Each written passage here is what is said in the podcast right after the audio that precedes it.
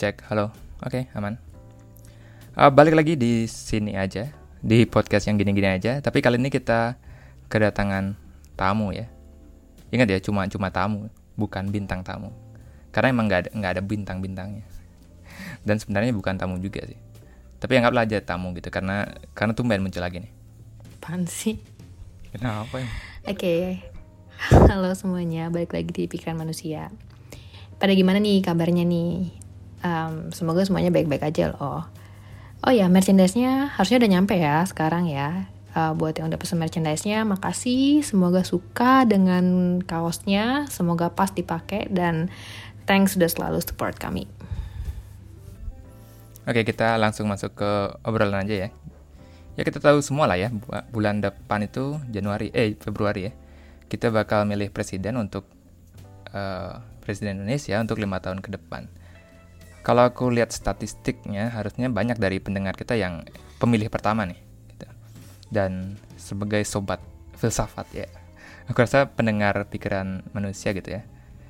Kalian nggak bakal mau milih pemimpin hanya dengan narasi-narasi yang apa ya merakyat lah gemoy lah atau pinter lah atau branding-branding apa pun lah yang masing-masing calon ini pakai gitu. Kalian nggak akan segampang itu akan percaya ya kan. Jadi aku sih harap gitu ya Terus nih, tentu pertanyaan yang muncul adalah karakteristik kayak gimana sih yang uh, perlu dicari-cari dalam diri seorang pemimpin.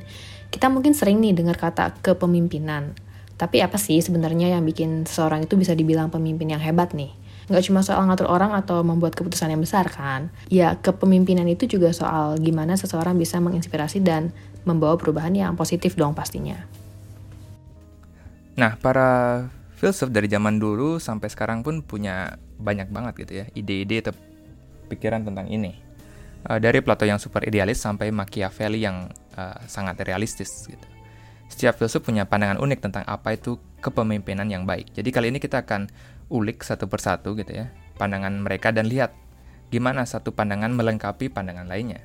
Ya semoga dengan bahasan ini kita bisa tahu juga pemimpin yang baik itu seperti apa dan tahu nih sebaiknya kita milih nyoblos yang mana nih gitu. Oke nih, berarti kita mulai dari zaman Yunani, Yunani kuno dulu kali ya. Ya, ini sih namanya Plato lagi Plato lagi ya. Semoga nggak bosan ya dengar idenya Plato. Tapi mungkin emang ber berangkatnya dari sana dulu kali ya. Plato, filsuf yang udah nggak harus diperkenalkan lagi ya seharusnya sampai sejauh ini, uh, punya gagasan unik nih dia tentang kepemimpinan. Bagi Plato, pemimpin ideal itu bukan cuma orang yang punya kekuasaan, tapi lebih dari itu. Mereka juga, harus jadi filsuf. Gimana? Jadi maksudnya uh, maksudnya si maksudnya Plato ini Rocky Gerung gitu cocok jadi presiden Indonesia? Uh, iya, tapi ya, ya bisa jadi, tapi belum tentu juga ya. Uh, jadi gini, Plato pernah bilang gitu kalau negara yang ideal hanya akan terwujud apabila filsuf menjadi raja atau raja raja-raja yang sekarang mempelajari filsafat gitu. Jadi makanya dia terkenal dengan konsepnya philosopher king atau raja filsafat. Tentu dalam konteks modern ini ya sekarang yang sekarang ya raja itu ya pemimpin negara entah itu presiden ataupun perdana menteri. Iya, tapi kenapa harus filsuf yang jadi raja? Atau kenapa seorang raja itu harus pelajari filsafat biar bikin negara itu makmur, maju, bagus lah gitu? Ya emang apa sih kelebihan filsuf dibanding karakteristik pemimpin lain? Ya inilah uh, konsep gitu yang tadi aku bilang uh, philosopher king oleh Plato bahwa baginya filsuf, filsuflah yang seharusnya menjadi raja dari suatu negara. Menurutnya pemimpin sejati itu orang yang paham banget tentang ide-ide seperti keadilan, kebaikan dan kebenaran. Ya siapa lagi itu ya yang ya filsuf yang benar harusnya paham lah masalah-masalah ini. Dan juga karakter seorang filsuf yang baik ya tidak gampang percaya, tapi juga tahu uh, ketika mereka tidak tahu akan sesuatu. Karena itu dia akan mau menerima masukan dari menteri-menterinya yang lebih ahli misalnya. Selain itu, filsuf juga seharusnya incorruptible ya, atau tidak bisa dirusak gara-gara sistem. Jadi mereka harusnya nggak bakal tergoda akan uang, nggak bakal ada korupsi ataupun mengabuse power atau kekuasaan mereka hanya untuk kepentingan dirinya sendiri. Ya sepertinya emang ideal sih. Orang yang cinta akan kebijaksanaan menjadi seorang pemimpin. Nah, tapi ini, tapi ada satu masalah besar di sini. Idealisme Plato itu kan tinggi banget ya, ya kan? Sampai-sampai banyak yang bilang itu nggak realistis. Misalnya aja nih coba. Dalam dunia politik yang penuh dengan intrik dan konflik kepentingan, agak sulit sih kayaknya untuk bayangin ada pemimpin yang sempurna seperti yang Plato bayangin atau idamkan. Karena itulah nih, banyak kritik yang muncul nggak sih? Benar, salah satu kritik yang paling sering didengar adalah tentang bagaimana Plato mengabaikan realitas sosial dan politik yang kompleks. Gitu. Menurut Plato ya, pemimpin yang ideal harus terlepas dari keinginan pribadi dan materi gitu jadi benar-benar apa ya selfless gitu jadi dia uh, nggak menteringin diri sendiri tapi di dunia nyata gitu kekuasaan dan politik itu sering sering kali kotor dan penuh dengan kompromi-kompromi gimana caranya pemimpin yang ideal menurut Plato bisa tetap bertahan di dalam kondisi politik yang sekotor ini iya sih nggak realistis aja gitu Selain itu juga ada masalah tentang siapa yang berhak menjadi pemimpin. Plato kan bilang bahwa cuma segelintir orang yang bisa jadi raja filsuf karena pendidikannya yang ketat dan spesifik. Hal ini tuh menimbulkan pertanyaan tentang inklusivitas dan elitisme. Apakah nih hanya orang-orang tertentu yang bisa jadi pemimpin yang baik? Apa iya orang lain yang nggak punya akses ke pendidikan filosofis tingkat tinggi nggak bisa jadi pemimpin yang efektif gitu? Kita lihat aja sekarang partai buruh kan calon-calon dari partai buruh itu bukan dari orang-orang kaya atau pengusaha ataupun keluarga yang udah turun-temurun di dunia politik. Caleg-caleg mereka tuh ya kaum buruh gitu, ojol, pedagang, pekerja pabrik, dan lain-lain lah. Nah, makanya dari sini kita bisa lihat kekurangan dari pandangan Plato. Idealismenya yang tinggi membuat konsep apa ya, philosopher kingnya agak sulit diterapkan dalam praktik. Nah, di sinilah gitu, Machiavelli masuk dia sih dulu udah pernah aku bahas harusnya ya tentang Machiavelli ini. Dibandingkan Plato yang idealis, Machiavelli ini jauh lebih jauh, gitu, ya, lebih realistis. Niccolo Machiavelli gitu ya, seorang filsuf dan diplomat Italia uh, yang pandangannya tentang kepemimpinan itu jauh berbeda. Kalau Plato itu kayak apa ya? Mungkin kayak uh, seniman yang melukis pemimpin ideal dengan warna-warna cerah. Kalau Machiavelli sebaliknya nih, dia lebih mungkin kayak lebih bukan pelukis tapi lebih ke fotografer yang memotret realitas kepemimpinan dengan uh, segala kebu ke apa ya kebrutalannya dan kepraktisannya.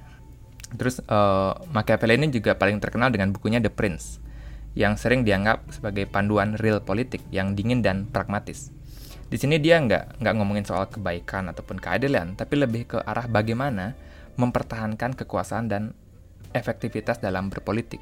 Machiavelli ini mengajarkan bahwa pemimpin harusnya cerdas, waspada, dan siap untuk melakukan apa saja. Melakukan apa saja nih, bahkan hal-hal yang dianggap tidak bermoral demi menjaga stabilitas dan kekuasaannya. Um, kayaknya sih udah pernah kita diskusiin sebelumnya ya. Salah satu konsep utama Machiavelli adalah tentang kekuatan dan ketakutan. Salah satu quote terkenalnya itu, It is better to be feared than loved if you cannot be both lebih baik ditakuti daripada dicintai, bila tidak bisa menjadi keduanya. Ini kontras banget loh sama Plato yang menekankan kebijaksanaan dan keadilan. Machiavelli melihat dunia itu penuh dengan bahaya dan ketidakpastian. Jadi pemimpin harus tegas dan bahkan kadang-kadang harus kejam untuk bertahan. Ya benar, tapi apa ya? Machiavelli ini juga nggak sepenuhnya apa ya? Setuju dengan apa tentang kekejaman dia mengakui bahwa penting juga adanya kasih sayang dan dukungan, dukungan rakyat. Asalkan tuh bisa membantu mempertahankan kekuasaan. Jadi apa ya pencitraan gitulah nggak apa-apa kalau pencitraan biar disenengin juga. Jadi uh, seorang pemimpin harus bisa memainkan dua sisi gitu. Jadi menjadi singa yang kuat dan bisa juga kalau dibutuhkan licik gitu jadi serigala harus juga bisa itu menurut Machiavelli. Ini semua tentang keseimbangan antara kekuatan dan uh, kecerdikan. Um, ya walaupun lebih realistis daripada Plato, tapi aku rasa pandangannya Machiavelli ini juga bisa bermasalah loh. Bisa dibilang nih pandangannya terlalu sinis dan pragmatis. Beberapa orang bilang bahwa pandangannya tentang kepemimpinan itu bisa berbahaya dan menjustifikasi tindakan tidak etis demi kekuasaan malah. Ini tuh bisa jadi masalah karena dalam pandangan modern, etika dan moral itu penting dalam kepemimpinan. Kamu tuh nggak bisa dengan santainya melanggar etika hanya karena kamu itu seorang penguasa. Benar sih, namun Machiavelli ini memberi kita perspektif yang penting gitu ya, bahwa dunia politik itu rumit dan penuh dengan perjuangan kekuasaan. Dalam banyak kasus, idealisme seperti yang diajarkan Plato nggak cukup nih, nggak nggak apa ya, tidak cukup untuk mengatasi realitas politik yang yang keras dan kotor gitu. Dari sini kita bisa lihat bahwa apa ya bag, uh, bagaimana Machiavelli itu menjawab idealismenya Plato. Dia membawa kita ke dunia yang lebih realistis di mana kepemimpinan itu nggak cuma soal ide-ide tinggi atau apa ya fafifu was was was gitu lah ya.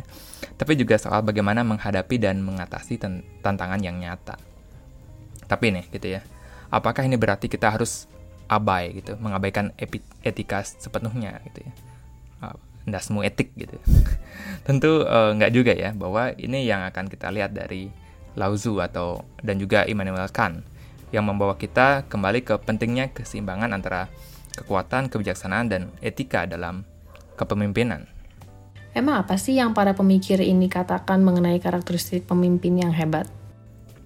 Setelah mempelajari pandangan keras dan pragmatisnya Machiavelli, kita mungkin sekarang coba bisa bahas uh, ke Lao Tzu, seorang filsuf kuno dari Cina yang terkenal dengan Taoisme. Aku juga kayaknya pernah bahas juga. Kalau Machiavelli gitu ya, mengajarkan kita tentang realisme brutal dalam kepemimpinan, Lao Tzu memberikan perspektif yang lebih halus dan keseimbang lewat konsep Wei atau tindakan melalui ketidakberaksian atau mungkin non-action. Mungkin juga kadang diterjemahin menjadi uh, spontaneous action. Jadi aksi yang spontan gitu. Lao Tzu dalam uh, teks klasiknya Tao Te Ching menjelaskan bahwa pemimpin terbaik adalah mereka yang hampir tidak diketahui oleh rakyat itu. Mereka tidak mencari pujian dan atau perhatian, tapi tetap efektif dalam memimpin dengan cara yang hampir itu tidak terlihat. Jadi nggak banyak pencitraan gitu tapi berhasil aja gitu jadi uh, bagi Lao Tzu ini pemimpin ideal itu seperti air yang lembut tapi bisa menggerakkan dan mengubah segala sesuatu dengan tenang dan tanpa paksaan. Oh, berarti pemimpin harus peka terhadap situasi, fleksibel, dan tidak memaksakan kehendaknya. Pemimpin tuh harus gerak sesuai dengan alam, bukan melawan atau mencoba mengontrolnya dengan kekuatan yang dia punya. Ya, tapi kalau kita bahas kepemimpinan dengan menggunakan konsep uh, Wu Wei-nya Lao Tzu ya, ada masalah lain yang bisa muncul. Misalnya gitu ya, prinsip uh, tindakan melalui ketidakberaksian ini atau non-action ini bisa diinterpretasikan sebagai pasif atau tidak aktif dalam situasi yang membutuhkan ketegasan. Dalam dunia yang sering kali membutuhkan keputusan yang cepat dan tegas gitu ya, pendekatan Lao Tzu ini mungkin terlihat eh, malah sebaliknya nggak efektif. Tapi tetap aja kan, pendekatan Lao Tzu ini memberikan pandangan berharga tentang pentingnya keseimbangan dan harmoni dalam kepemimpinan. Jadi nggak idealis amat, tapi nggak juga dingin tanpa mempedulikan etika. Nah, selain Lao Tzu yang berfokus ke etikanya para pemimpin ini, aku rasa juga penting juga buat kita melihat sudut pandang etikanya Immanuel Kant. Kant menekan, uh, menekankan, kan menekankan, oke, okay, uh, pada pentingnya moral dan prinsip etis dalam semua tindakan, termasuk kepemimpinan. Kan yang dikenal dengan uh, filosofi etikanya apa uh, deontologi ya dia mengajarkan bahwa tindakan seseorang harus didasarkan pada kewajiban moral dan adanya imperatif kategoris yang ya udah pernah aku jelasin lagi. Aku malas jelasin, jelasin lagi panjang soalnya. Ingat ya imperatif kategoris dari Immanuel Kant. Yang merupakan prinsip universal dalam menentukan tindakan yang baik dan benar. Menurut Kant, pemimpin harus bertindak berdasarkan prinsip-prinsip yang bisa dijadikan standar moral universal, bukan hanya berdasarkan akibat atau hasil dari tindakan tersebut. Iya ya, soalnya nih kalau ngomongin politik dan kebijakan publik untuk semua orang, kita tuh pasti cenderung menggunakan sudut pandang konsekuensialisme atau bahkan utilitarianisme. Yang penting mayoritas rakyat bahagialah, meskipun ada sedikit rakyat yang menderita, tapi itu ya bisa dibenarkan lah ya gitu. Konsep etika Kant ini menantang penerapan prinsip moral yang konkret dan objektif, bukan sekedar ide-ide utopis gitu. Dibandingkan dengan realisme Machiavelli, Kant menolak ide bahwa the end justifies the means atau tujuan membenarkan segala cara, menekankan bahwa pemimpin harus selalu bertindak secara etis, bahkan jika itu berarti menghadapi konsekuensi yang tidak menguntungkan. Dan dibandingkan dengan Taoismenya Lao Tzu, Kant lebih menekankan pada tindakan aktif yang berlandaskan prinsip moral, bukan hanya mengikuti aliran alami. Tapi masalah yang sama, yang mirip sama Plato bisa muncul uh, pada pandangannya Kant ini. Ya salah satunya adalah kekakuan prinsipnya, yang kadang dianggap terlalu idealis dan tidak fleksibel untuk menghadapi realitas yang kompleks dan beragam. Dalam dunia yang penuh dengan keabu-abuan ini ya, etika deontologis itu mungkin terlihat terlalu hitam putih pemimpin kan harusnya bisa beradaptasi dan terkadang membuat keputusan yang sulit, yang mungkin tidak selalu sesuai dengan prinsip moral yang ketat. Iya sih, nyari pemimpin atau presiden yang ideal itu serba salah gitu. Kayak kepentok sana-sini gitu. Selalu kepentok antara terlalu idealis ataupun terlalu pragmatis. Tapi ya, pandangan Kant memberikan kita pemahaman nih tentang pentingnya pemimpin itu punya integritas dan tanggung jawab moral. Ya, ya nggak sih? Ya, nah kalau kita rangkum ya, dari semua pandangan filsuf yang udah kita sebutin tadi, mungkin kita bisa tarik beberapa poin yang menarik nih, yang perlu kita cari dari calon-calon yang maju nanti ke depan uh, di Februari nanti ya. Uh, yang pertama itu ada kebijaksanaan dan memiliki nilai-nilai yang kuat gitu. Itu yang ditekankan oleh Plato. Kedua ya realisme dari Machiavelli bahwa kadang kita harus menyadari bahwa politik itu tidaklah bersih dan jika diperlukan kita harus juga bisa menjadi serigala yang licik di dunia tersebut. Ketiga adanya fleksibilitas dari Lauzu gitu. Orang ya orangnya ya jangan kaku-kaku kaku-kaku amat lah ya. Mau beradaptasi nggak gitu ya. Itu yang kita cari. Terus nomor empat terakhir ya integritas dan tanggung jawab moral ala Kan gitu. Kita juga nggak mau dong gitu hanya jadi pion-pion yang dikorbankan para pemimpin hanya untuk keserakahannya pribadi. Iya, tapi ada nggak orang-orang yang kayak kita sebutin tadi tuh karakteristiknya? kamu udah ngomong panjang lebar, eh taunya ujung-ujungnya juga ngayal doang. Um, gimana ya? Aku rasa karakteristik yang aku bilang mungkin memang langka ya dimiliki satu orang doang atau seseorang pemimpin.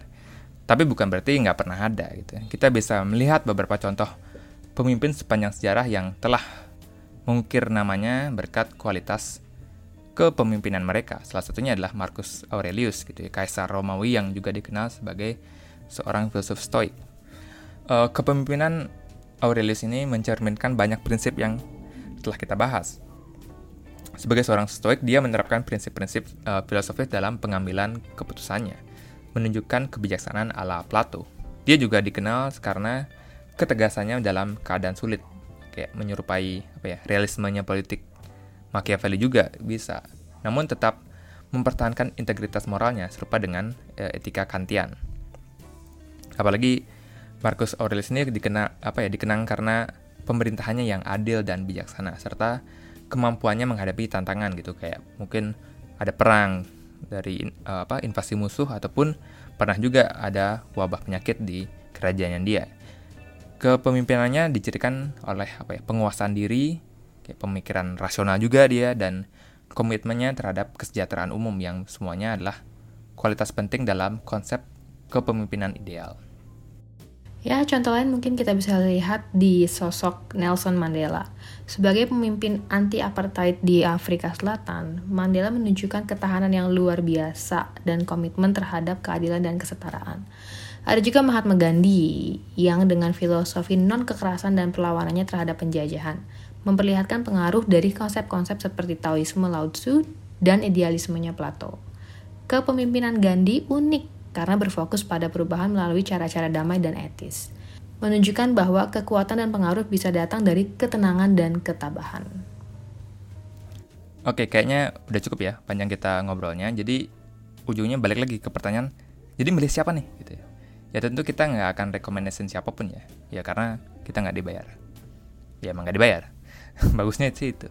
Jadi ya setelah banyak Fafifu tadi, Kalian coba pikirin sendiri kandidat mana yang paling mendekati pemimpin yang ideal. Tapi mungkin juga mungkin aja nggak nggak ada sama sekali. Gitu ya. Gak ada yang cocok sama sekali ternyata nggak ada memenuhi syarat. Pilih paslon. Oke, sampai sini dulu aja kali episodenya ya. Makasih udah mau dengerin. Ya, kemarin-kemarin ya di mana pun itu. Dan juga jangan lupa follow di Spotify dan juga subscribe di YouTube Pikiran uh, Manusia. Nah, sorry ya, belum ada update video baru. Nantilah. Ntar lagi, harusnya ada sih. Oke, okay, bye-bye. Bye.